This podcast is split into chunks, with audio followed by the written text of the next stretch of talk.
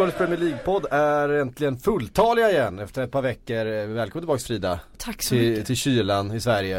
Eh, Kalle Karlsson, du är som vanligt. Ja, man får kriga på i eh, snöyran här hemma medan andra eh, har det bra i Florida. Mm. Men, eh, Du ska ju ge dig iväg till Östersund imorgon så att då kanske du får kompensera lite grann för eh, soltimmarna på den amerikanska sydkusten. Ja men precis, jag förväntar mig det i alla fall.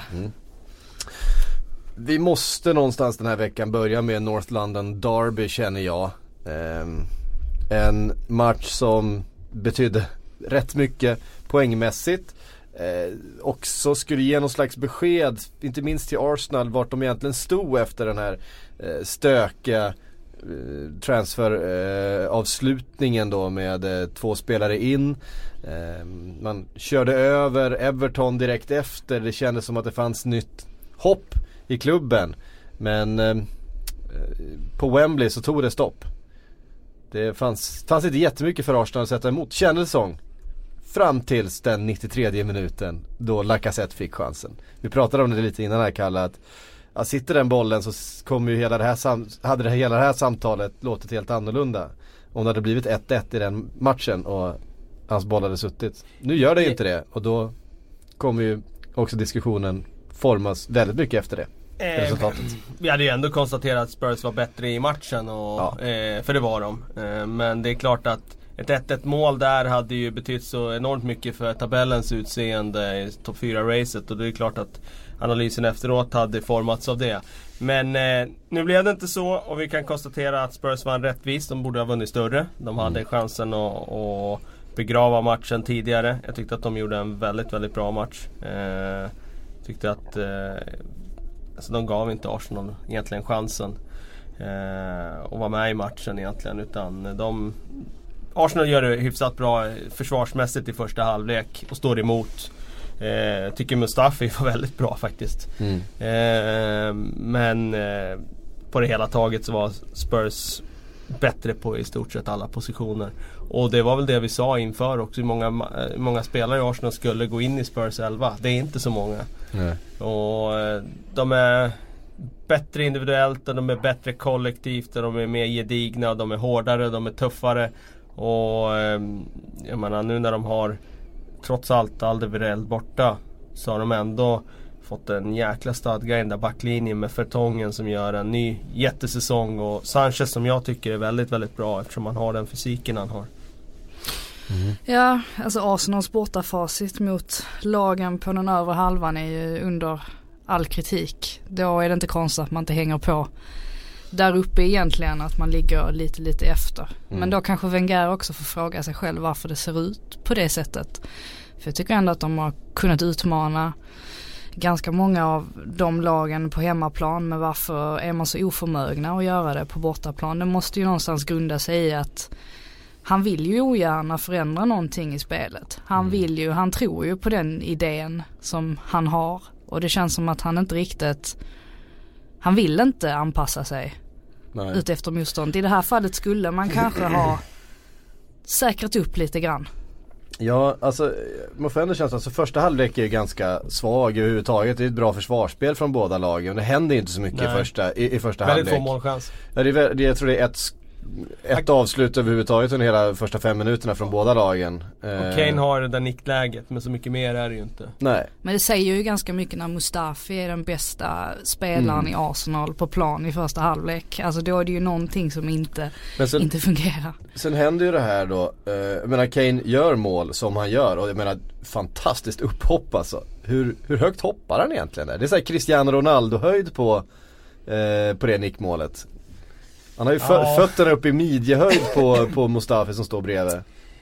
Alltså han kommer ju väldigt högt. Samtidigt tror jag, just det där med hur högt man hoppar sådär. Det brukar se, brukar se högre ut på tv-bilder och på stillbilder. Än vad det gör tror jag i verkligheten. Just att bilderna oftast i alla fall stillbilder tas ju alltid lite underifrån. Då ser det ut som att de är liksom höjdhoppare nästan eller basketspelare. Men eh, det är klart han kommer väldigt högt upp. Han gör det ju väldigt bra. För hoppar man först där då kommer ju inte Koscielny upp. För då Nej. lägger han bara på armen. Ja. Och då eh, ser det ju ut som att han blir liksom en halv meter högre än Koscielny. Vilket han var i det här fallet. Så det, men det var ju ett klassmål av Eh, ja, både han och eh, inlägget var ju perfekt också. Och, och sen märker man ju det, där tvingas ju då Wenger plocka ut en av sina två defensiva mittfältare, El Neni går ut. Och efter det så kan ju Tottenham bara nästan ösa på. För att det blir ju det blir en helt annan balans i matchen där efter målet och efter att eh, Wenger har skruvat på sin, eh, på sin uppställning och skruvat laget mer offensivt. Och sen eh, för att citera Erik Hamrén, mål förändrar ju matcher. Just det där mm. med att Arsenal måste gå fram och bli lite, lite mer riskbenägna i, i sitt spel. För det var de ju inte i första halvlek. Nej, inte alls. Eh, och när de behöver bli det, då, då, är det klart, då öppnar du dig lite mer mm. bakåt. Men jag håller med dig, tar du bort en en från det där mittfältet så då har du inte samma defensiva täckning. Jag tycker Arsenal saknade Ramsey jättemycket i den här matchen. Mm. Just för att han Hans driv och hans löpningar och det kändes som att det var den den dimensionen de hade behövt för att överhuvudtaget vara med i den här matchen. Mm. Men Peter Käck höll de kvar ändå? Eh, mm. Vi måste ändå nämna hans insats här. Ja, särskilt med tanke på att man har suttit och eh, inte hackat på honom tycker jag inte man har gjort. Men man har väl ifrågasatt om inte hans tid är på väg att gå mot sitt slut och att Arsenal kanske borde kika efter en annan målvakt. Men i, i den matchen så visade han ju verkligen att han han har fortfarande kvaliteter han också. Mm. Men jag tycker ändå det är viktigt också i den här matchen. Det blir så lätt att man bara fokuserar på, på Arsenal och det de gjorde dåligt. Men får jag ändå säga att Harry Kane är ju, nu är han ju verkligen på väg att bli den där absoluta världsklassanfallaren som faktiskt kan vara med där uppe liksom bland de allra allra bästa. Jag hoppas för hans skull att det går bra för honom nu i Champions League. För det är kanske då han kan få sitt verkliga erkännande även från övriga världen. Mm. Ja, Champions League och VM tror jag. Alltså mm. de måste göra det på de största scenerna. Nu har han gjort det i Premier League och det räcker inte riktigt för att vara med. Men jag håller med dig, det är klart att han utifrån vad han gör spelmässigt så då börjar han ju närma det, sig. Det är så liksom. mycket mer än bara mål han, ja. han gör. Alltså hans långa spel, alltså hans, hans, hans eh, långpassningsfot eh, är ju fan helt magisk. Ja, men allt. Hans vrickningar när han spelar på one touch, när han håller i den, när han mm. liksom bara eh, liksom springer förbi folk, när han tar löpningar, när han pressar, när han gör egentligen allting. Man, man kan ju knappt se han göra misstag under 90 minuter och det det säger väl någonting om man spelar i den positionen och har så liten felprocent som han gör. Spelar med den svårighetsgraden han gör och ändå lyckas. Då, då är man något utöver det vanliga. Mm, måste också hylla Moussa Dembélé för hans insats under den här, alltså han, han tappar ju aldrig bollen. Det är helt, det är helt sanslöst hur trygg, ja, alltså sällan man har sett en spelare typ utanför Barcelona som är så trygg på den typen. Ja, det, är liksom, det är Luka Modric och det är ett par till liksom i, i världen. De skickar in vad som helst på honom. Han, han knallar runt med den han hittar någon lösning och sådär. Det är just det där att han är så otroligt stark. Ja. Alltså i, så att han kan täcka bollen på ett sätt som Busquets spelar ju också med den där höga risken att han Han kan ju hålla i bollen och så bara täcka den med kroppen trots att han står som Liksom sista man egentligen eller han får bollen från mittbackarna och tappar han bollen där så är det typ baklängesmål. Ändå står han och håller i den och de kommer liksom inte åt bollen. Det är den enda spelaren jag kan komma på som spelar centralt i plan som är så trygg med att bara hålla ifrån en motståndare. Men Dembélé är ju så stark så att det finns ju ingen som kommer i närheten av att kunna komma liksom, åt och peta på den där bollen ens. Utan han, han håller ju bara ifrån. Det känns som att han skulle kunna hålla bollen halva dagen där om han ville. Eh, och den här matchen var ju så bra som vi kommer ihåg han för något år sedan att han var. Mm. Um, Lacazette ändå. Ja, man har svårt att släppa att han får det friläget på, på övertid och skulle kunna förändra hela, hela liksom stämningen kring inte minst han själv. För jag menar sätter han den bollen Ja men då ska han ju in och starta som, som nummer nio i nästa match och peta ut Aubameyang till, på kanten.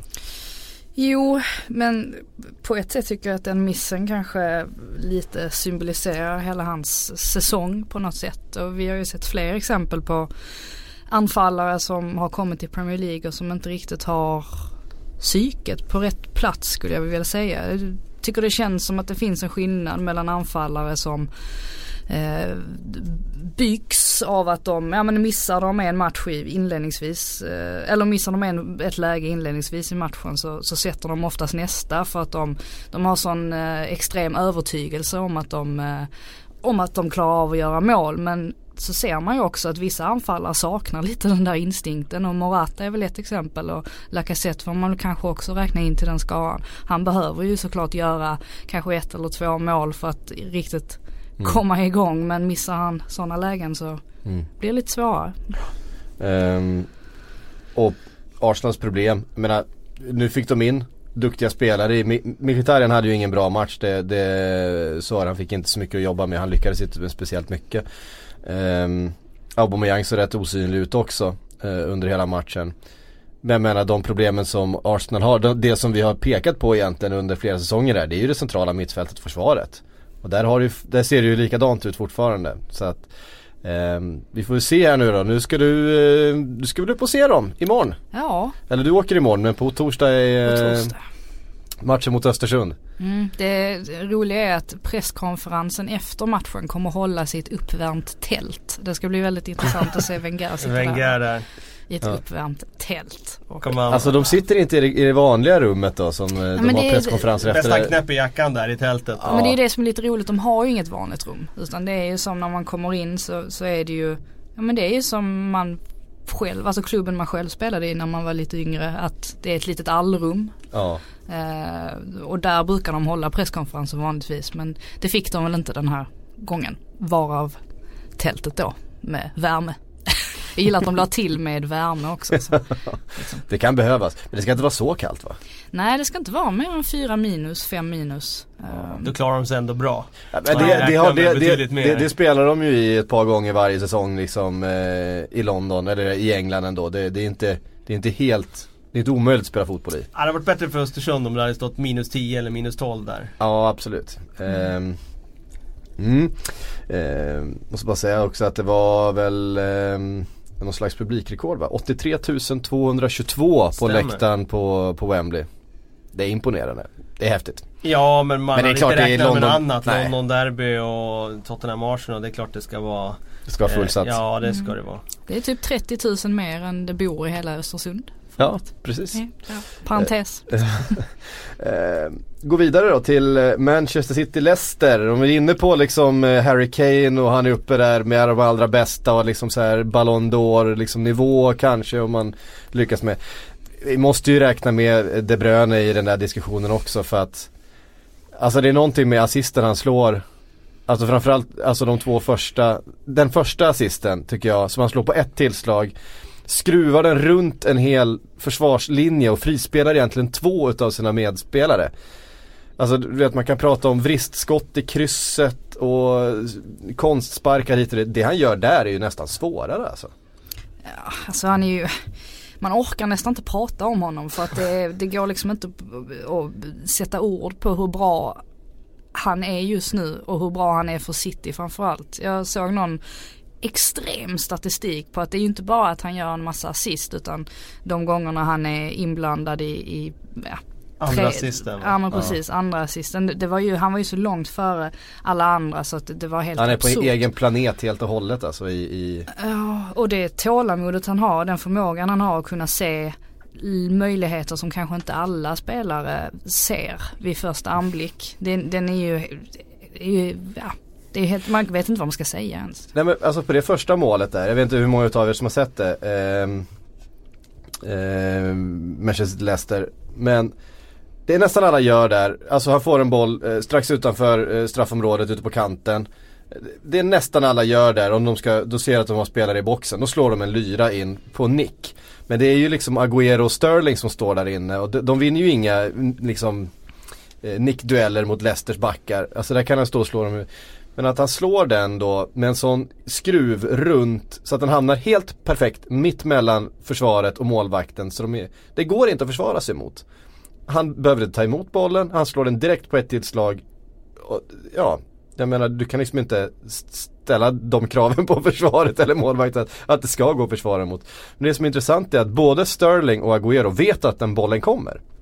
För de är ju före. De, de förväntar sig att den ska slås precis där och därför är de ju också före sina försvarare in i situationen. Så antingen så har de tränat på precis det här eller så har de bara spelat så mycket ihop med De Bruyne att de vet att ah, nu kommer han slå den. Alltså han har ju slagit några passningar den här säsongen som har varit sådär eh, ja, med kirurgisk precision. Mm. Eh, Han slår ju en till sen, i, alltså hans andra assist är i stort sett lika bra. Men de här tycker jag, de här två tycker jag är hans två bästa. Av eh, en ganska bra highlight video. Alltså, Ja.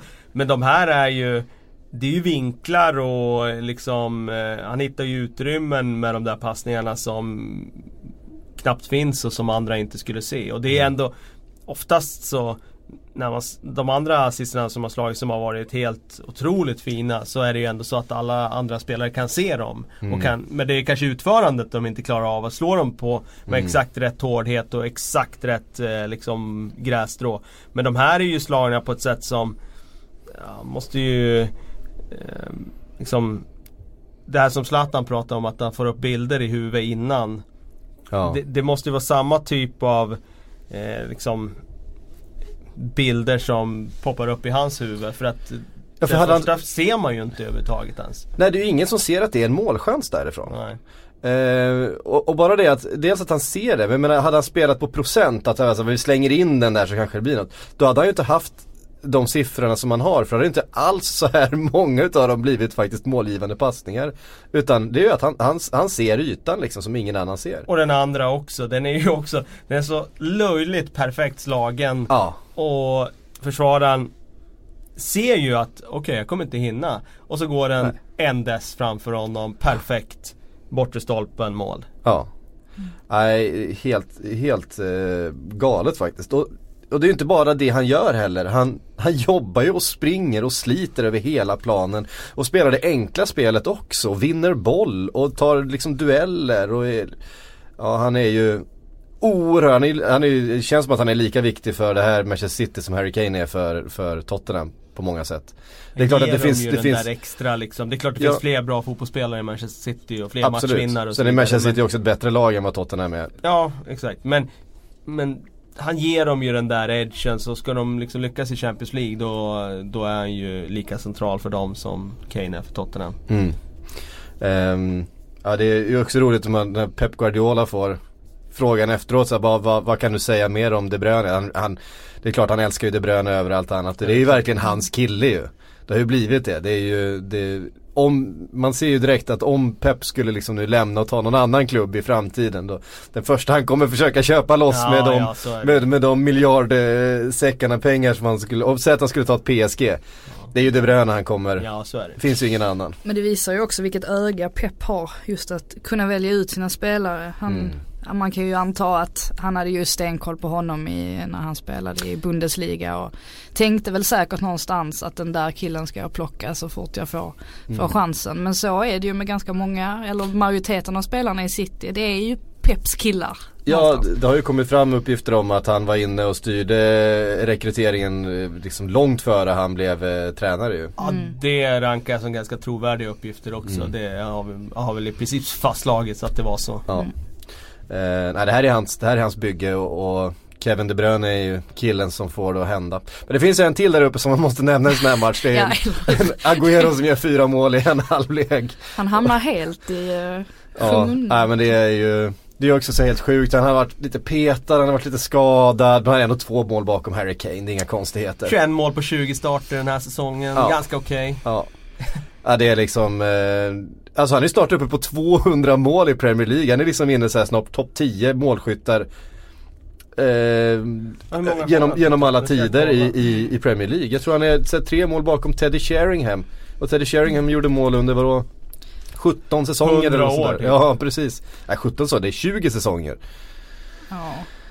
Ehm, han är, Det är han, ganska, det är ganska Agüero, skrattretande. jag kan berätta för er. Han har Mm. gjort 143 mål. Ja, i ligan. det, är- det är lagom. Eh, Jag tror han är snart uppe på 200 mål totalt för, för City. ja. Men ja, det, är, det här är i ligan. Precis. Men det här är från 10 februari. Eh, räcker det om vi räknar bakåt? Det är kanske inte uppdaterat från helgen då. det var tionde i- i Ja lördags, tionde, ja, ja. men precis. Eh, ja men 143 i ligan då. Då är det, han har lite för långt kvar från upp till rekordet Shearer då. 260 är ju han. ja precis i ligan ja. Mm. Det lär han väl inte hinna göra. Nej det kommer han inte han kommer inte göra. spela hela sin, Nej. sin karriär eller han, vi ihåg att han, han, han dunkade in några nere i Spanien innan han kom till Manchester City också. Ja, men det är lite skrattretande att det snackades om bytesaffärer och sådana där grejer i, i somras. Jag tror att City är ganska nöjda ändå med att han, han blev kvar. Särskilt med tanke på att Jesus blev, blev skadad. skadad också. Uh, det är ju hyfsade, hyfsade mål han gör också alltså. Apropå, bara, eftersom jag är inne nu, Aha. tog jag fram den här listan på hur många. Bara, apropå skillnad på spelare och spelare. Kane har alltså gjort 101 mål på 142 matcher. Ja. Didier Drogba som ändå är en stor, Absolut. stor anfallare under 2000-talet i Premier League. Han gjorde 104 på 254 matcher. Ja. Så han har alltså på 110 matcher mer i Premier League har Drogba gjort tre mål mer än Kane. Ja. Ja, det är, och Agüero han ligger nästan på ett mål per spelad match. Strax under tror jag. Ja, ja. ja 0,70. 143 Noll... på 203 i, i Premier League. Ah, okay. I Premier League. I Premier League Men det, det är ju inte alla är ju inte starter här heller. Du kan Nej, räkna precis. per starter. Ja. Um, ja det är um, Eh, det är duktiga spelare, får man säga. Nej, alltså, det var det du kom, det, det, det är det vi konstaterar liksom. Så långt Nej, men, kunde du sträcka det. Men eh, ett par av avsluten är ju fantastiska. Alltså chippen på en, en Kasper Schmeichel som fortfarande står upp. Den är så, alltså det är, ja. är som förnedring. Dels för att han har bara snott bollen utav eh, Kasper Schmeichel innan och sen Ja, det är inte så att han liksom rundar honom inte, han bara lägger den lite retsamt över huvudet på honom. Man, sen... är, man är ju svag för anfallare också som gör mål på så många olika sätt. Alltså att de kan göra nickmål, de, de mm. chippar, de skjuter stenhårt utifrån. De, alltså när man kan göra mål på, på alla typer av sätt så en liten extra edge sådär. Mm. Sen uh, hyllar vi De Bruyne för att, och Harry Kane för att de gör så mycket annat och de sliter. Det här är ju det Agüero gör. Han gör ju inte sådär jättemycket utanför boxen. Eh, nu gjorde han ju för sig ett av målen här rätt hyfsat. Eh, mm. Sista målet där som han smällde in ribba in. Eh, från strax utanför men annars så, så spelar han ju sitt spel inne i boxen. Det är där han eh, kommer till sin rätt. Jag måste bara också notera, även om det var eh, inte mycket till assist men att Phil Foden fick sin första poäng i, ja, just det. Eh, i Premier League. Till sista, va? Precis. Mm. Eh, det är ju inte så att det är han som skapar målet, det är Agüeros eh, skott där som, som gör det men han driver upp bollen och, och håller undan ett par Leicester-försvarare och skapar ju ytan åt, äh, åt Agüero. Mm. Eh, nu spelar är... ju faktiskt Shinchenko en del också. ja. nu, och han spelar till och med som indragen ytterback i den här matchen. Så mm. att, han, eh, han går verkligen i, genom pepp-processen här nu. Snart är han central mittfältare, Shinchenko. Uh, det, är, det är häftigt också att, att City faktiskt spelar med så unga spelare som får chansen i det här laget som borde vara omöjligt kan man tycka. Mm. Um, Samtidigt är de ju så bra så de har ju råd att spela. De kan ju göra det. Kan det är klart. spela en Patrik Syk på högerbacken och vinna ändå tror jag. jag tror faktiskt att om jag hade spelat då hade de, det, det hade varit ett för stort eh, minus för de hade fått liksom bära för mycket vatten åt mig. Ja men jag tror att de hade sagt till dig att gå ut där och, eh, i linjen och drick vatten så spelar vi med 10 man istället. Då hade de kunnat vinna ändå. Då hade de kunnat lösa det för ja. det hade varit en ja. belastning om jag hade ja, stått jag på tror, planen jag tror, jag. det. jag tror motståndaren lyft in rätt många bollar bakom dig och sprungit. Ja kanske. Eventuellt. Eh, jag hade fått gå på kropp, ja. så kan vi säga. eh, helgens stora skräll då, hittade vi uppe i Newcastle. Eh, Newcastle United mot Manchester United. Det finns ganska många eh, intressanta narrativ att dra ur den matchen. Eh, United borde ha vunnit, skapade ju rätt mycket målchanser. Eh, alltså Manchester United borde ha vunnit. Men ändå en, en, eh, det bästa man har sett från, från Newcastle den här. Så, I alla fall som jag har sett den här säsongen.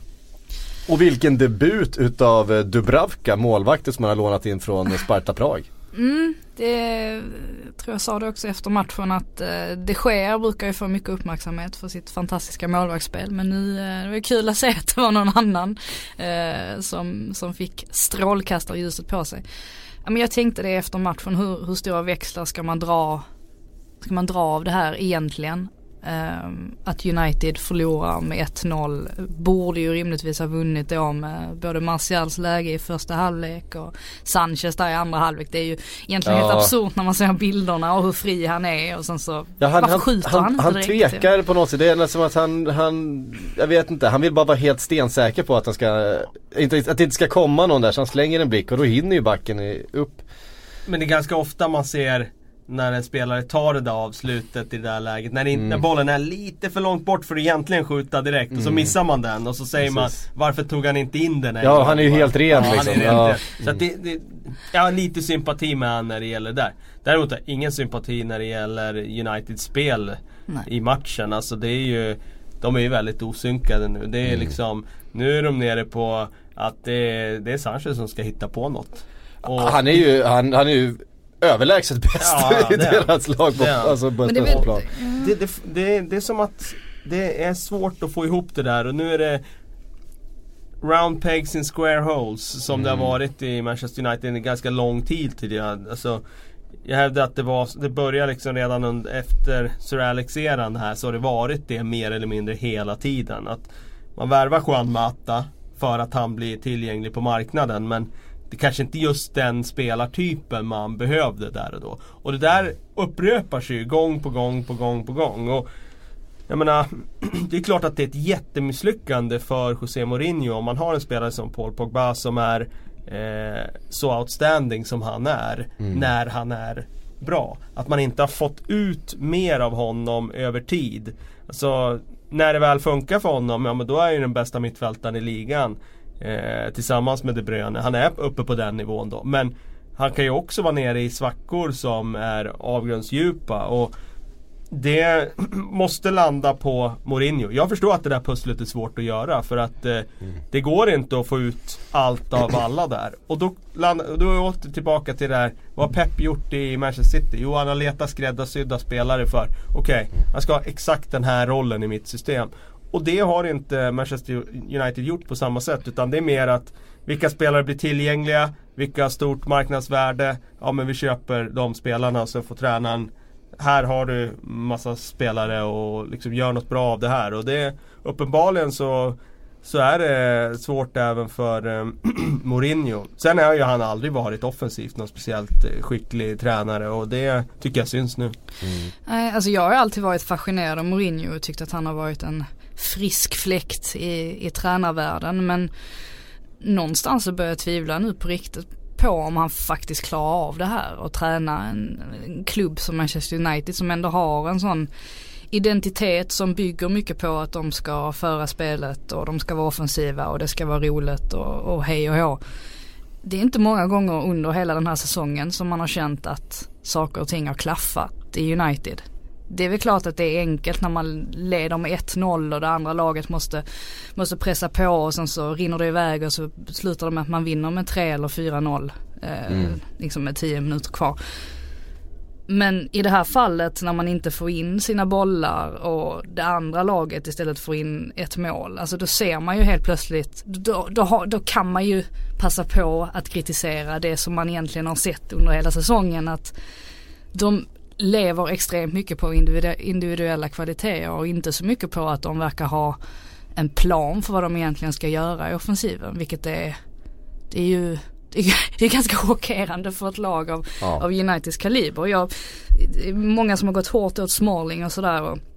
Han hade det, ingen bra match. Nej det är väl klart att han inte hade en bra match men samtidigt så Jag menar Pogba var ju direkt usel och det Mm. k- finns ju säkert sina förklaringar till, till varför det var så. Han ser ju inte ut att trivas där han är och han bara rensar undan bollarna, sparkar upp dem 20 meter i luften och när han satte sig på bänken sen så såg han ju ut som att han hade eh, jag vet inte, fått en stroke eller någonting. Alltså det var ju, det var ju verkligen Ja. det var ju så miserabelt så att man, man mådde ju nästan lite illa efter slutsignal. Mm.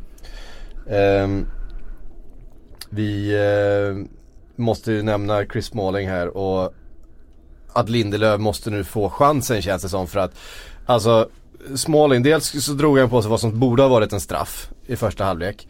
Ehm, den som domaren missar och sen jag menar vid målet. Först filmar han själv. Får gult kort och det blir frispark och det är den frisparken som sen leder fram till målet.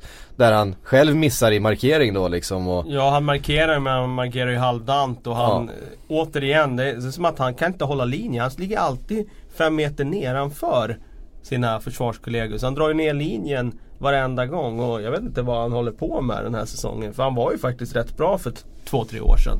Mm. Där en höst. Men eh, det är som helt bortblåst nu och i min bok så är ju lagets sämsta mittback. Mm. Eh, och, men det, det, måste vara något systemfel när man har lagt så mycket pengar som Manchester United har gjort. Och så har man inte en bättre backlinje än att man spelar Valencia, Smalling, Jones och Ashley Young. Alltså hur kan man hamna i den situationen efter att ha lagt så mycket pengar som de har gjort de senaste fem åren? Det ska vara omöjligt. Mm. Um, ja, det var en eh, svag insats igen. Är, jag bara är skadad, absolut. Ja. Eh, han är det, men Men var är Lindelöf? Varför får han inte spela? Ja. Alltså det är ju någonting som, som är märkligt mm. där För att just i den här matchen så kändes det också som att det kanske hade behövts en, en lite mer spelande mittback. Jag såg Jones gick ändå fram ett par gånger i, i, matchen och det, det, kanske hade behövts med en sån spelare just där som det var väldigt, hade drivit på lite. Det var väldigt eh, talande, jag såg på Match of the Day och eh, där var det väl, eh, vem var det som sagt, det var faktiskt eh, Phil Neville som satt som eh, expert och tog upp det faktumet att eh, de Gea Alltså uppenbart finns en, en order om att mittbackarna ska inte ha bollen. För när bollen spelas ner till de Gea Normalt sett så sprider ju, alltså så tar ja. ytterbackarna och går på varsin sida för att visa sig för att få bollen. Inte ett enda tillfälle, de stannar kvar centralt och de Gea måste lyfta långt. De visar sig inte en enda gång för, ett, för en, en kortare boll. Utan... Ja men det där är ju Mourinhos, eh, så har det ju varit eh, tidigare anslag också. Alltså hans spelidé är ju inte att mittbackarna har någon större roll i uppspelen utan de ska bara ge bollen till mittfältare eller ytterbacken så får de sköta. Nej, men det måste väl vara, även om, även om de inte ska liksom stå för några liksom eh, 50 meters bollar eh, ut på en eh, löpande ytter sådär så måste de väl vara en lättare väg att få bollen upp till en Pogba eller till en Matic eller till någon som har en, en fot som kan fördela bollen. Istället för att de Gea ska lyckas pricka dem med en, med en boll upp i mittcirkeln som man sen kan förlora och åka på någonting annat som de ju gör. Jag menar, eh, John Joe Shelby har ju en sån där match man har då och då där han, där han hittar rytmen och han, han, han dominerar ju det där mittfältet under, ja framförallt andra halvleken är han ju helt fantastisk faktiskt. Han, han gör ju allting rätt. Han glidtacklar i eget straffområde och han träffar perfekt och han mm han lobbar bollar eh, till medspelare och han vinner grejer och han hittar men han chippar sig fram liksom i offensiv tredjedel och så vidare. Eh, och det är klart att vi vet ju att eh, Kjell, har sådana där matcher då och då där allting stämmer. Sen, nästa match kan han vara utvisad efter 14 minuter. Det, eh, när de där tacklingarna inte sitter. Eh, så är det ju. Men de, de blev ju överkörda centralt. Eh, på de där långbollarna som kom upp från de Gea. Och de kanske hade behövt hitta en annan väg och den liksom, de försökte inte ens. Men just därför är det ju ännu märkligare. Varför värvade han Lindelöf från början? För jag menar För det är ju en back som faktiskt kan liksom ja, slå alltså en passning. Det, det, var ju svårt, egentligen var det ju svårt, alltså en spelare som spelar i Benfica, eh, särskilt som mittback, det är svårt att veta vilken nivå han egentligen håller. Men som du säger så var ju fötterna kanske det som Lindelöf var lite känd för. Då är det märkligt mm. att man lägger så mycket pengar på just honom om man nu inte vill använda den typen av spelare. Jag, jag har jättesvårt att förstå det men ja. Mm. Ehm, men som sagt. Men sen är det ju där också, många kanske pekar på att ja men de har ju släppt in minst mål i ligan. Mm. Ja jo det har de ju men då måste man ju också väga det mot det, den riskminimeringen de använder. Det är Mourinho som tränar, du säger han vill hellre att de Gea slår upp bollen mm. än att de rullar ut den. Ja det är ju klart, då kommer du automatiskt släppa in färre mål om du spelar med den typen av riskminimering som ett Mourinho-lag alltid gör. Så att, jag tycker med den riskminimeringen de har och att anfallsspelet är så trubbigt. Då ska de släppa in ännu färre mål mm. än vad de har gjort. Och det hänger ju sam samman då med att de trots allt ligger tvåa i ligan. För det är väl det de flesta pekar på mm. när man kritiserar United. Att ja, nej, de, de, är ju ändå där uppe. Ja men det är ju som Kalle säger att det är inte mm. konstigt att de plockar poäng om de spelar på det sättet. Och sen ibland så åker man på sådana här plumpar när man är oförmögen att göra mål och så släpper man till. Det, det som jag tycker har varit eh, Manchester Uniteds liksom främsta styrka den här säsongen är att vi har sett alla andra lag, alltså Tottenham och Liverpool och Arsenal så här, har varit bättre än motståndet men ändå tappat poäng i, i många matcher. Alltså de matcherna som man har tappat poäng har man ändå varit bättre. I stort sett alla matcher där Manchester United har varit det bättre laget har man också gått därifrån med tre poäng. Man har inte behövt vara så mycket bättre än sin motståndare. Nej. Men de matcherna man har tappat poäng, de har faktiskt varit sämre. än sin motståndare. De är inte, som, de är inte bättre än Newcastle i den här matchen. Nej, de har ju några chanser och har chans att ta liksom ledningen och då kanske de hade vunnit. Men jag håller med dig att Newcastle vinner ju rättvist. Mm. De vill mer, de krigar mer, de liksom, ja, de går före på ett helt annat sätt. Mm. Och, Och ändå så, kan, och ändå så finns käns- känslan hos mig att ändå Manchester United borde ha vunnit. Är det lite konfliktfyllt för de skapar en del liksom. liksom. Jo men det, så är det väl alltid att det stora laget, om de ligger under sista halvtimmen så vore det konstigt om de inte skapar någonting alls. Då ska de ha Mm. Ja, de pressar ju ändå på på slutet. Ja och, men det och- gjorde de, men de hade ju lite chanser. Det är Dubravka- tvekan om det. Dubravka nämnde vi som sagt, han, eh, han gör några svettiga räddningar där och eh, Ja fast han ska- gjorde inte så många svettiga egentligen. Det var ju mer försvararna gjorde de svettigaste där när Martial har dubbelläget där. För Ja, det är ju det. liksom, då Ja. är det ju två försvarare som räddar. Så är det, men han har, han har en eh, innan där på en styrning va? Eh, Precis. Som är Ja men det är väl den räddningen riktigt som är bra. riktigt vass. Eh, och eh, ja men det är någon mer också Ja. som är Jo men han var ju sådär. bra, det är ingen tvekan om det. Jag trodde faktiskt inte han skulle, jag visste ju inte vem det var på Nej, det jag sättet innan. ingen Jag trodde inte han skulle värvas som första målvakt heller utan jag, jag var inte säker på att han skulle dansa rakt in i elvan. Nej, ju- Men eh, nu, nu har han ju spelat till sig platsen, det kan vi konstatera. Ja, alltså fortsätter han så här så är det ett skapligt fynd på ett lån. Ja det får man säga. Eh, med en utköps, eller med en klausul på lånet på 4 miljoner pund tror jag. Ehm, ja, ja, det, det var en imponerande debut i alla fall.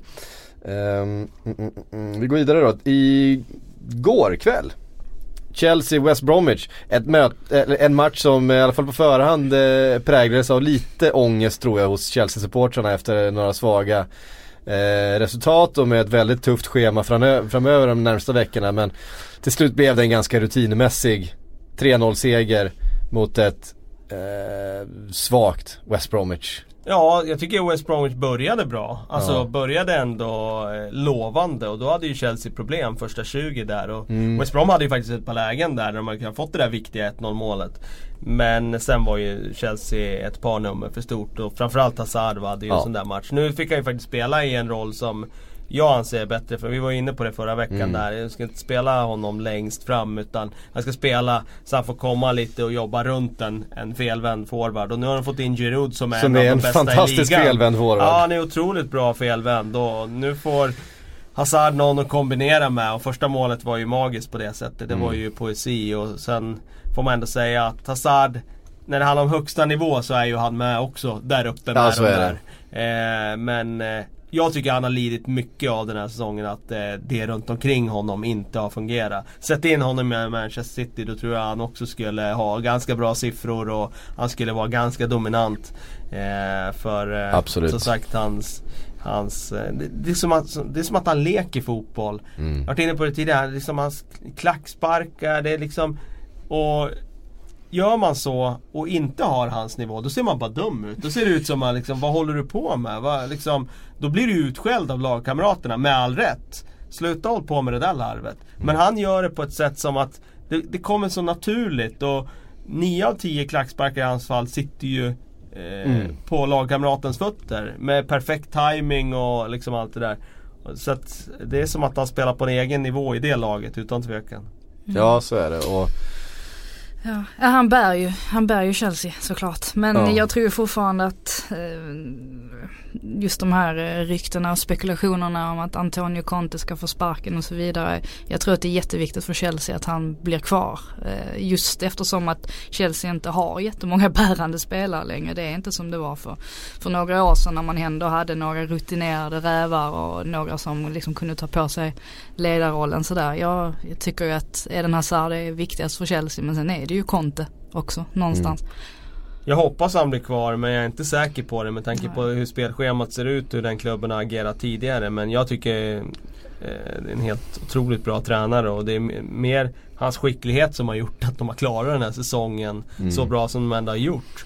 Eh, men som sagt det blir intressant de kommande veckorna här. Det, det blir oerhört intressant att se. mm.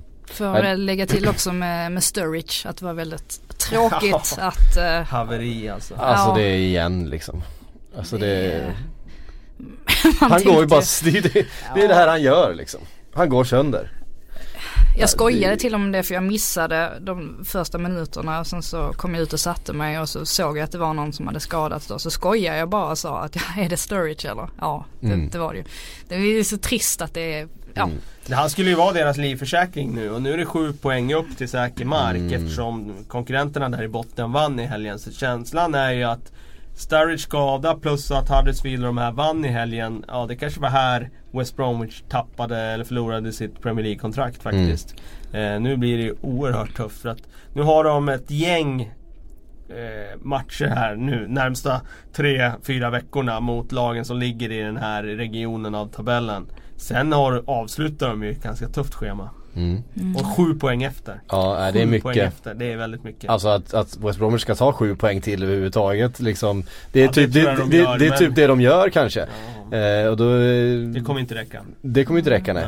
Den enda som möjligtvis jublar är kanske Jay Rodriguez med tanke på hans väldigt trevliga utköpsklausul om West Brom ja, åker ut. Kommer mm. han bara kosta 3,5 miljoner pund. Mm. Lagom. Ja och det är ju en spelare som ska vara i Premier League. Ja, han, är för, han, är för, bra för, för Championship. Får nämna Christiansen där också kanske. Mm. Han var ju, ja att han var tillbaks. Precis så var väldigt väldigt bra. Mm. Och det säger väl kanske någonting om hans eh, status just nu i Chelsea. Att han är den mest givna backen tillsammans med Aspilicueta såklart som är en ja. av de första på laguppställningen. Eh, men eh, att Christensen nu är, eh, ja nu känns han som en sådär fundamental del av den där backlinjen och det är bara att börja fasa ut de andra nu. Mm. Cahill och company och så Ja, ja men de kan by bygga kring Christensen och ha Aspilicueta där som klassspelare som han kommer att vara ett, an till, ja. Eh, ett, antal år till, det ja. kan man ju räkna med. Mm, viktiga tre poäng för Chelsea i eh, topp 4 jakten här för att de kommer behöva en liten en liten kudde mot, eh, mot Tottenham framförallt. Ja. Eh, som ju är en poäng bakom bara.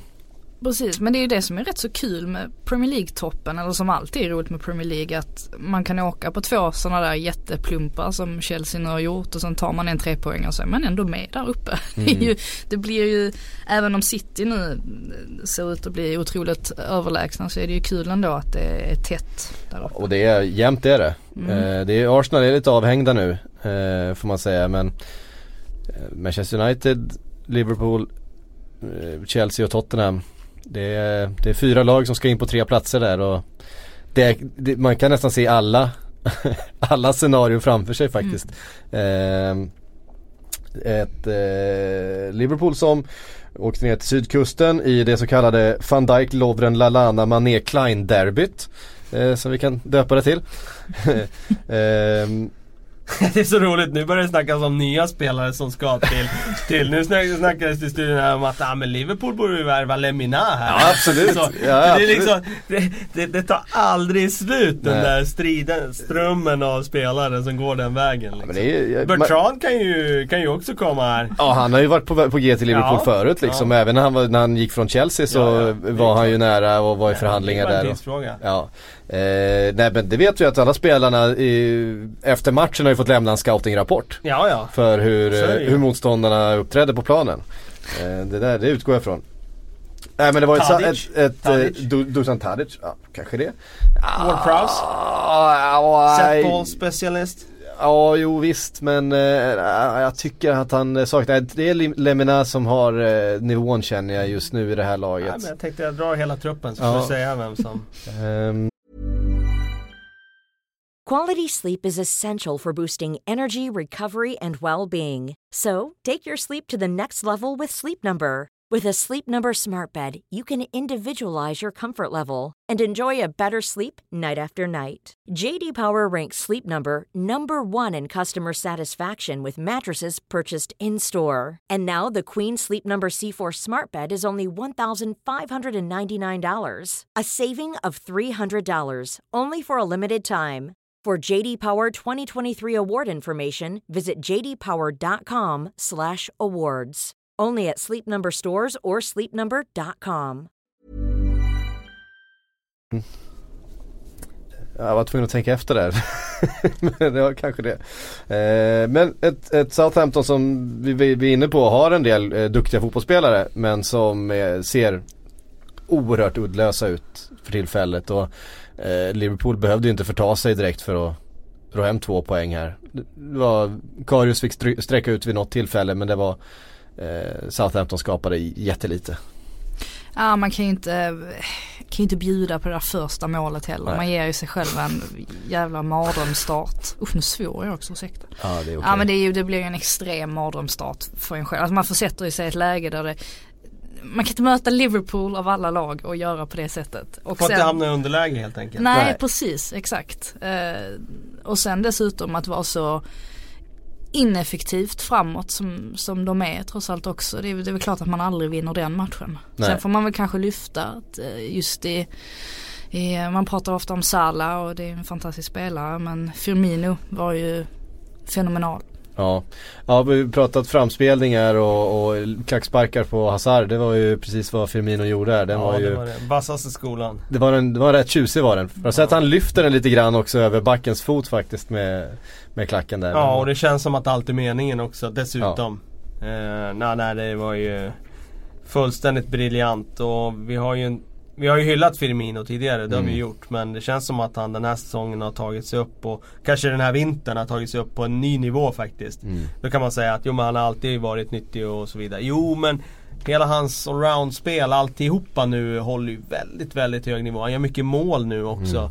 Vilket han inte gjorde tidigare på samma sätt. Nej det var ju det, vi ofta sa, han är väldigt duktig, han är väldigt viktig, nyttig i, i sitt pressspel och, och sådär men, men han har för dålig avslutsfot. Men, men nu har han gjort 20 plus mål den här säsongen. Ja, i, exakt. Eh, så att han är uppe där nu bland de bästa anfallarna i Europa. Det är ingen mm. tvekan om det. Om man tar in hela paketet som han gör så är han med där uppe. Det, och vilken värvning. Alltså mm. Snacka om att handplocka en spelare som ingen annan riktigt tar ögonen på av de stora klubbarna. Så. Nej precis. Nej, från, Hoffen, från Hoffenheim liksom mm. och, och ja, han funkar oerhört bra här. Och, eh, som Liverpool-supporter så ser man ju han och, och Salah liksom kombinera nu liksom i varenda match egentligen. Att, eh, men väntar ju fortfarande på att eh, Sadio Mané ska hitta formen igen för att det tror, känns som det kommer behövas att han, kommer han upp på samma form som han hade förra säsongen.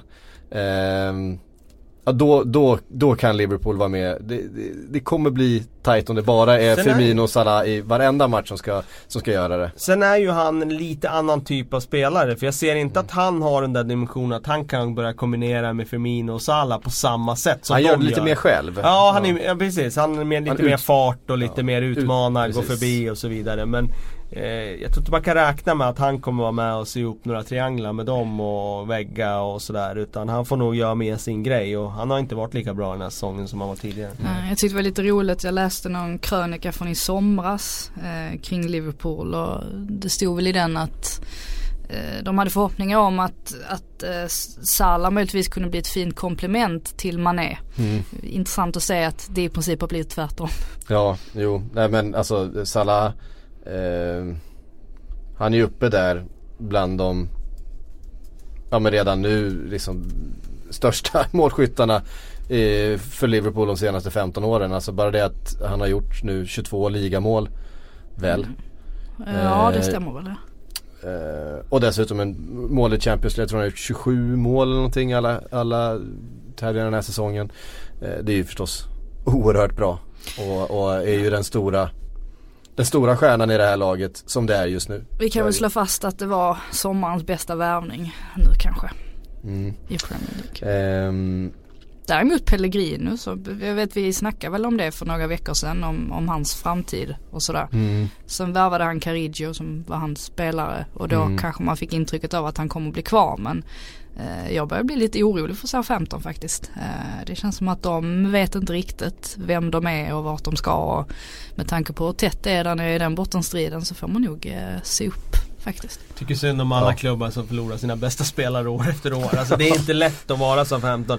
Om man tittar på deras senaste fem år ja. så egentligen borde de ju ha hamnat ner i den här situationen tidigare. Om man tittar på ja. vilka spelare de har tappat. De, ja, de har, har lyckats ers ersätta hur många spelare som helst. Ja, de har ju parerat det här liksom fallet eh, på ett skickligt sätt tidigare. Ja, för att det är ju inte bara det är inte bara spelarna som hamnat i Liverpool. Vi, kan liksom, vi måste ju plocka upp en Wanyama som hamnade i Tottenham som man tappade. En Schneiderlin som först till United och sen till Everton. Mm. Som ju var väldigt liksom, Viktig eh, där, ja. viktiga där. Eh, Callum Chambers var väldigt lovande i, i Southampton, hamnade i Arsenal. Eh, och det är sådär, så att, Luke Shaw. Luke Shaw förstås. Eh, så att jag menar, de har tappat så oerhört mycket spelare de sist. Men, och ändå har de inte investerat sådär vansinnigt mycket. Eh, Lemina var väl den dyraste spelaren eh, i klubbens historia när Ja, han det- kom i, i somras. Men det är ju konstigt ändå att man inte kan få ut ja, men en sån som Gabbiadini som, som ändå såg otroligt lovande ut Mm. när han kom. Att, han, de, att man inte kan få ut mer av honom till exempel. Det är ju det är lite märkligt. Men ja, jag vet inte riktigt med Pellegrino. Vi får se hur länge han blir, han blir kvar. Ja. Ehm, som sagt Huddersfield tog viktiga poäng mot Bournemouth 4-1. Eh, Steve Monier och Aaron Moy är ju de som gör det för Huddersfield eh, den här säsongen. Det var, de var väl inblandade i stort sett allting eh, den här matchen också. Men ändå så är det den här Junior Stanislas tröstmål för, för Bournemouth som, som man nästan kommer ihåg mest. Det var ju en fantastisk bara mottagning och sen bredsida liksom borta i bortre stolpen. Så här retligt helt otagbart. Jaha, det jag kommer ihåg mest är det som skedde i slutminuterna på tv-sändningen. När eh, David Wagner zoomas in och Ja, ja den här det. avbytaren på Visa snoppen i, i, inför, jag Ja, vet inte hur många det det jag miljoner som, mig, men, som eh, satt och tittade på den tv-sändningen. ja, Men, men eh, ja, mycket märkligt. så kan det gå. Ja, Det var det du tog med dig. Ja det är väl det, jag- det, det starkaste intrycket Mm. från. Nej, men det Ehm. kommer väl vara lite så med, med Huddersfield nu att eh, är Munier och Moy på topp så eh, då kan de ha en bra dag. Sen kan de förlora nästa. Men däremot Bournemouth, jag blir inte klok på dem alls. Eh, De har ju verkligen toppar och dalar Ja, eh, får man säga. ja, de var inte med i den här matchen. Um, Huddersfield spelar väldigt bra. Och Aaron Moy, som sagt han är, han är ju eh, Han har en annan, annan nivå i, i sitt spel känns det som än många andra i det där laget. Det känns som att det händer lite mer när han får bollen varje gång. Och, eh, och Steve Monier är ju eh, också väldigt bra. Alltså, Inte så konstigt Knoppa man tittar på Moyes eh, CV så har ju Mm. han faktiskt tillhört en större klubb. Eh, Mm. Och de andra spelarna har ju inte gjort det på det sättet. Nej. Utan det är mer ett hopplock och eh, liksom från fyndlådan. mm, Och tycker de har fått ihop det bra utifrån att de inte har lagt så mycket pengar. Sen kan man ifrågasätta, skulle de ha använt mer av TV-pengarna för att få ihop ett bättre lag? Mm. Det tycker jag kanske att de skulle ha gjort. Eh, jag tror fortfarande att de kommer få tufft. mm. Eh, Everton Palace 3-1. Eh, viktig eh, bounce back för Everton som blev förnedrade av eh, Arsenal förra eh, omgången. Ehm, en ganska självgod eh, Big Sam efteråt som han är vid varje seger. Mm.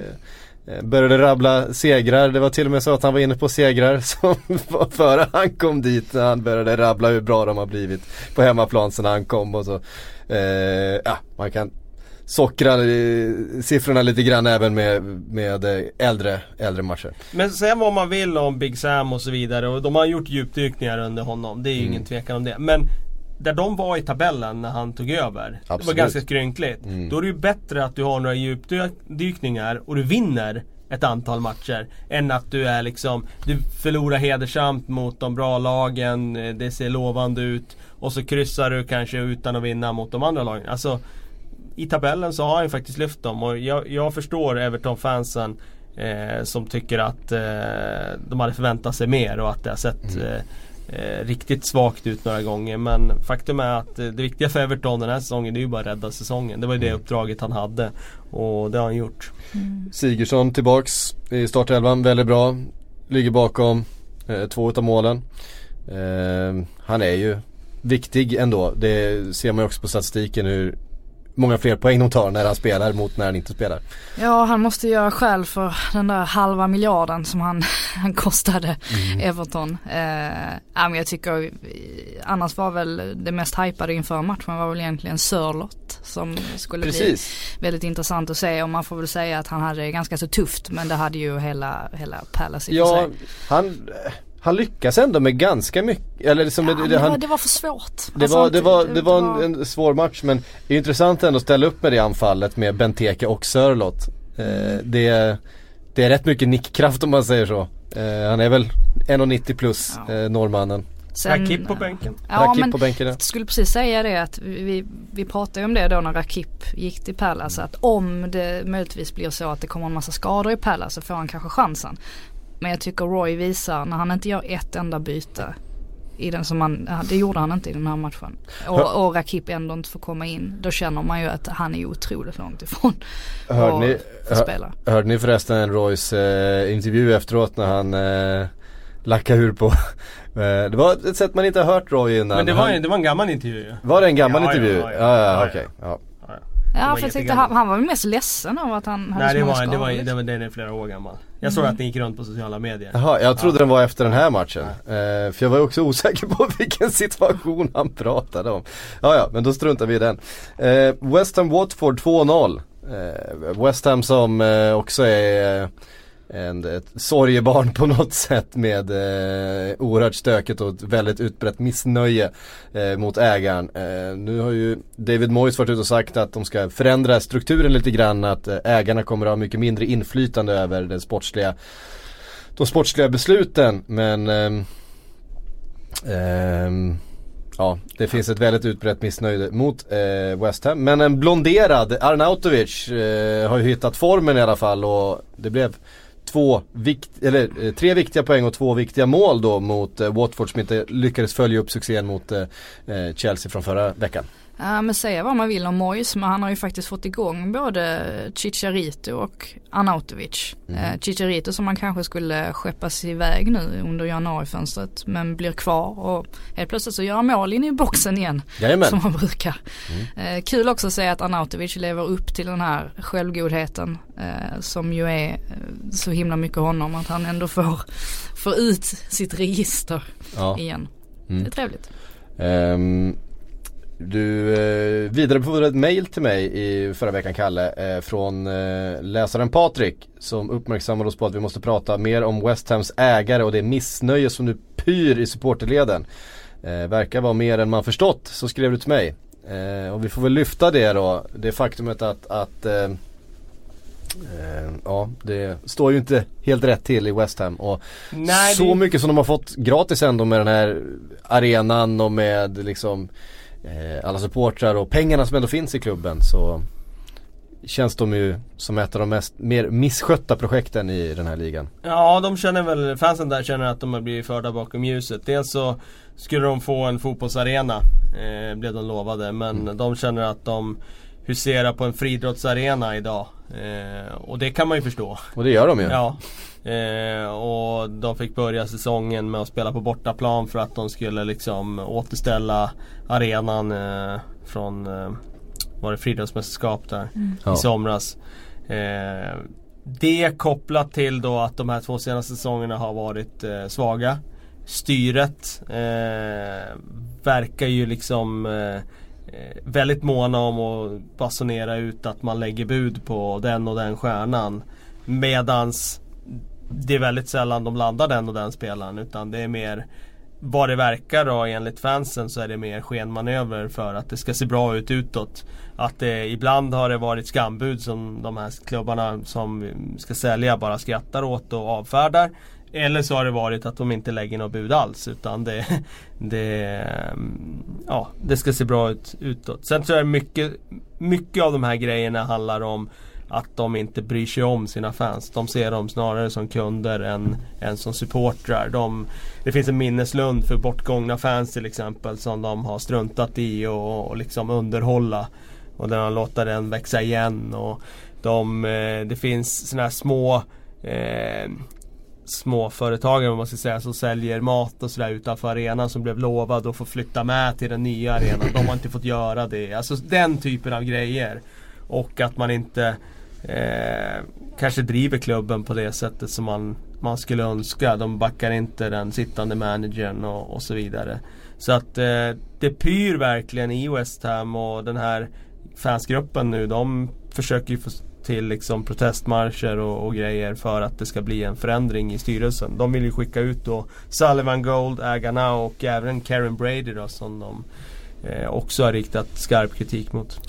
Det här det känns ju så igen om man ska ta ett, ett eh, liknande exempel så är ju det Charlton där det har varit lite likadant det här med att mm. man har ägare som ser på fotbollsåskådare som restauranggäster i princip. Jag såg till och med ett klipp där den numera förre eh, ordföranden var det väl, Katrin Mier, hon, hon, hon, hon sitter verkligen och säger rakt ut att hon tycker att eh, Charlton-supportrarna är alltså restauranggäster i princip och att mm. de, de betalar liksom för en, för en, eh, ja men för, för någonting. Eh. Ja det där klippet är verkligen så Alltså hon, hon förstår inte själv. Hon, alltså att, att språkbruket hon använder är, blir väldigt, väldigt stötande för ja. en fotbollssupporter som lever med klubben och reser runt och betalar så mycket. Och det, det är ju lite oroväckande ja. att vi är på väg dit. Nu, mm. nu har ju faktiskt Charlton-supportrarna, de har ju också hållit på med, med protester och, och eh, liksom eh, bojkottningar och det ena med det tredje och de har ju mm. faktiskt fått bort henne nu och nu verkar det till och med som Du Châtelet kommer att sälja vidare klubben. Eh, vilket, alltså de ser ju som en seger såklart eftersom man har lagt ner så mycket tid på det. Men det är ju oroväckande att det kommer fler och fler exempel av den här typen. För, för utan supportrarna, vad, vad är fotbollen då egentligen? Det blir inte så mycket kvar. Nej. Eh, det är väl där hon säger, men vilket annat företag där ni är kunder beter ni er så här? De skickade en passning till fansen då och där kände man väl att hennes eh... Men de har man inte förstått Nej grejen. precis Eh, det var inte speciellt eh, vast. Nej det var hon hade otur när hon tänkte. Ja, precis. Men särskilt, också när det inte handlar om, om en toppklubb. Men man tänker eh, Manchester United att det är en turistattraktion att eh, Fast gå till Fast de kan inte heller agera så utan nej, att få skarp Nej det kan de inte. Men, men de har ändå åskådare som kommer dit som just kunder, precis. Ja. Mm. Men Alltså klubbar som West Ham, klubbar som Charlton. Charlton de är inte attraktiva, Trelleborg. de är inte attraktiva på det sättet. Nej. Så därför är det ännu märkligare att ledningar i den typen av klubbar gör så. Även det, om det, det inte är okej okay här, alltså, Man får inte vara så tondöv heller om man ska driva en fotbollsklubb att man inte alls, det blir så uppenbart att man inte alls förstår eh, vad en supporter är för någonting eller vad, vad, de är, vad, vad klubben betyder för människor alltså, när man använder det språkbruket. Alltså, man får inte vara så tondöv. Eh, för det, blir, det avslöjar ju sådana brister i, i, i, ledarskapet för en... Jag tror att det, ägare som har kommit in de senaste 15 åren de skulle kunna använda det språkbruket. Det är svårt att se att de här ägarna som ändå var lokala ägare och sådär mm för 20, 25, 30 år sedan hade använt eh, ett sånt typ av språk. Det, det känns som att de som använder den typen av språk de har kommit in från eh, på ett bananskal för att de har mycket pengar och för att och de har kanske inte den förankringen inom, inom fotbollen. Så att de, de vet vad, vad sporten betyder för så många mm. människor. Vi har fått en fråga från Viktor här som eh, tangerar lite grann kan man säga. Vad har hänt med Sunderland egentligen? Åkte ur Premier League förra säsongen och ligger nu på 23 plats i Champions, Championship. Lite det vi misstänkte att när raset kommer för Sunderland så kommer det komma ordentligt liksom. För att de har ju levt på konstgjord andning så länge. De borde ha åkt ut för flera säsonger sedan och det hade nog varit bättre för dem om de åkte ut för fyra säsonger sedan. Eh, med ett starkare lag än att liksom hanka sig kvar med ett sämre och sämre och sämre material. För att när man sl till slut åker ur så är man så ihåliga så att det, det finns ingenting att bygga på. Nej det är ganska många klubbar som har det tufft när de åker ur. Om man inte har den här traditionen och tyngden som ett Newcastle som mm. kan liksom bara satsa igen för att gå upp. Eh, så det är ju faktiskt flera klubbar som har åkt rakt igenom Championship de senaste eh, mm. tio åren. Mm. Och eh, det är inte förvånande. Det där är ju en hemsk serie att åka ner i. Bara krig i 87 omgångar. Eh, eh, bara liksom, eh, ja, sparka spring höll jag på att säga. Det är ju inte längre på samma sätt men det är en väldigt fysisk, fysisk det, är en annan, det är en annan sorts fotboll än i Premier League. Ja, det, är det. det är det. Och det är ingen tacksam serie om man bara ska liksom studsa upp igen. Så att ähm, Ja, det, jag är orolig för Sunderlands del. Det blir eh, ett jäkla jobb att få Eh, för de ligger ju inte geografiskt sett så bra till heller för att vara liksom den attraktiva klubben och så vidare. Vi kan vara nostalgiska och tycka liksom du vet, traditionsrik klubb och de ska vara i Premier League och sådär men det är inte så att brassarna tänker på det sättet som eh, kanske skulle behövas för, för att känns, lyfta det här. Det känns som hela regionen också, jag menar hela, hela nordöstra England med som Newcastle visst de är uppe i Premier League men, de, men jag menar, de skulle mycket väl kunna ryka den här säsongen. Sunderland där de är, och vi tar Hull där de befinner sig. Eh, och man räknar man in Yorkshire i det liksom med Leeds och så vidare. Alltså det är ju en av de riktigt starka fotbollsfesterna i England liksom. Jag menar, Historiskt sett ja. Där det finns supermycket supportrar och jättemycket liksom viktig fotbollskultur. Som nu riskerar liksom att knappt vara representerad i de större sammanhangen alls de närmsta åren. På tal om det, just nu kommer beskedet att Hull City mittfielder Ryan Mason tvingas lägga av. Nej, är det sant? 26 år gammal. På grund av? Ja, han blev ju... Eh, han blev sjuk va? Just det. Ja, gamle, gamle Tottenham-produkten ja. Ryan Mason som eh, Nej, han eh, drabbades ju av den där huvudskadan ja. Just ja, det, precis. Just det. Just det. Eh, tungt. När han mm. nickade ihop med Gary Cahill där. Ja, mm. oerhört eh, tråkigt. Eh, man kommer ihåg att han slog igenom Visserligen inte som eh, tonåring men som, vad var han då? 21-22 i, i Tottenham. Eh, I den där jobbiga perioden så klev han fram ändå som en, en viss ljuspunkt under en period tillsammans med Benta Lebb och eh, vilka det mer var. Eh, Harry Kane kommer fram i samma veva där ungefär va? Ja det kan det ha varit. Ehm, och fick lämna då precis som så många andra. När Pochettino kom in och, och, byggde om det där laget var den som fick flytta på sig. Men det, mm. ja, det var tråkigt, tråkiga nyheter. Ja, jag måste bara nämna med, med Sunderland också att det om möjligen kan vara så att en svensk räddar kvar dem ju. Joel Asoro har ju verkligen, uh, han har kommit igång nu. Ja, Även om Chris Coleman sa till honom att han, han måste hålla fötterna på jorden och han har inte uträttat någonting än. Men uh, nej. Asoro är ju en sån spelare. Jag tror om ett antal år så jag tror att han, han är lätt en landslagsspelare om mm. fem år. Mm. Eh, Far Out Football undrar varför finns det bara sex engelska tränare i Premier League och framförallt varför ingen av dem återfinns i topp 6-lagen. Det är ju snarare så att de återfinns i bottensexan. um. Ja, alltså de, jag tror jag varit inne på det här tidigare men jag tror att eh, man tar tränar England har inte hängt med i utvecklingen utan de har levt i tron att de kan bäst och vet mest. Och, mm. Så de senaste 40 åren egentligen. Mm. Och det funkade på 80-talet när eh, fotbollen fortfarande var ganska enkel. Sen eh, flyttades saker och ting framåt och de har helt enkelt inte hängt med i utvecklingen. Idag tror jag eh, att eh, liksom de har fått upp ögonen för att de inte är bäst längre. Och då menar jag inte att de fick det just idag utan Säg de senaste 10 åren så har man ju 10-12 åren så det är klart att England också har förstått att de spanska lagen ligger längre fram. Mm. De vinner EM, de vinner VM, Barcelona, Real Madrid mm. är överlägsna i Europa. Det är inte så att de tycker själva att de har den bästa klubbfotbollen. Eh, de har den eh, absolut bäst marknadsförda ligan men de har inte den bästa fotbollen. Så idag har ju det ändå kommit fram en yngre tränarkår om man tänker på en Eh, Eddie Howe, på Graham Potter och på eh, liksom hela, hela det där gardet som har liksom intressanta idéer och som också har dragit lärdom av de utländska influenser som har kommit till England. Men eh, så ger det fem, fem år till då innan de själva liksom producerar tränare som får de största lagen. Mm. Där är vi inte än. Nej. Jag tror det är ett kulturellt problem också. Det finns ju få folk som är så otroligt stolta och har så otroligt svårt att ändra på sig som engelsmän.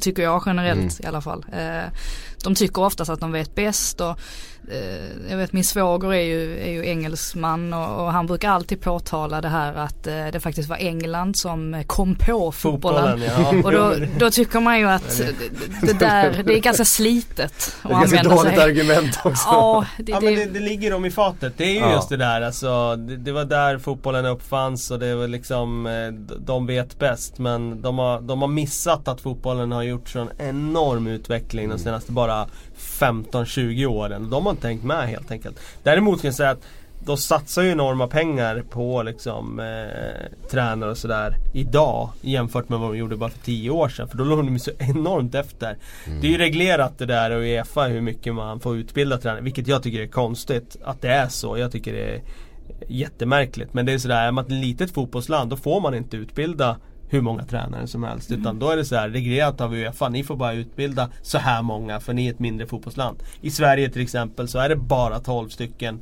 per år som får gå pro. Eh, mm. För att Uefa har bestämt att det ska mm. vara, ni är ett litet fotbollsland, ni får inte ha hur många provtränare som helst. Till exempel, jättekonstigt. Men England låg ju då, de är ett stort fotbollsland. De låg ju alltså, så enormt långt efter Spanien och Tyskland när det gällde det där för bara, alltså, det var ju, De började upptäcka det där när Spanien och Tyskland var så mycket bättre på landslagsnivå här för Ja men det är väl tio år sedan där när mm. Spanien vann EM första mm. gången där 2008. Mm. mm. Det var ju då den debatten kom upp och då var det ju så här, Ja men i, I Spanien och Tyskland fanns det 35 000 tränare som hade den tredje nivån, alltså den mm. näst högsta nivån. Och i England fanns det 1000. Alltså mm. 35 gånger min, färre liksom. Och det där tror jag liksom de har insett nu att eh, vi måste komma till rätta med det här. Och det tror jag de gör satsningar på nu idag som inte fanns för några år sedan. Är du på väntelistan då för en eh, pro-licens? Nej, absolut inte. Men eh, men eh, jag tycker ändå det är, det är märkligt att Uefa ska bestämma sådana saker. Det är jättekonstigt. Det är jättekonstigt. Ja det är jättemärkligt. Jag tror det är positivt också att eh, allt fler unga eh, engelska spelare vågar ta steget utomlands. Mm. Något som kändes eh, ja, som att det inte riktigt fanns för x antal år sedan. Jag tror det är jättebra för en spelares utveckling att få se någonting annat och uppleva någonting annat än det som finns i England. Yes, det får runda av den här veckans eh, Premier League-podd. Tack Kalle, tack Frida för att ni kom hit. Tack för att ni har lyssnat. Ehm, på återhörande som vanligt. Vi är tillbaka om en vecka igen.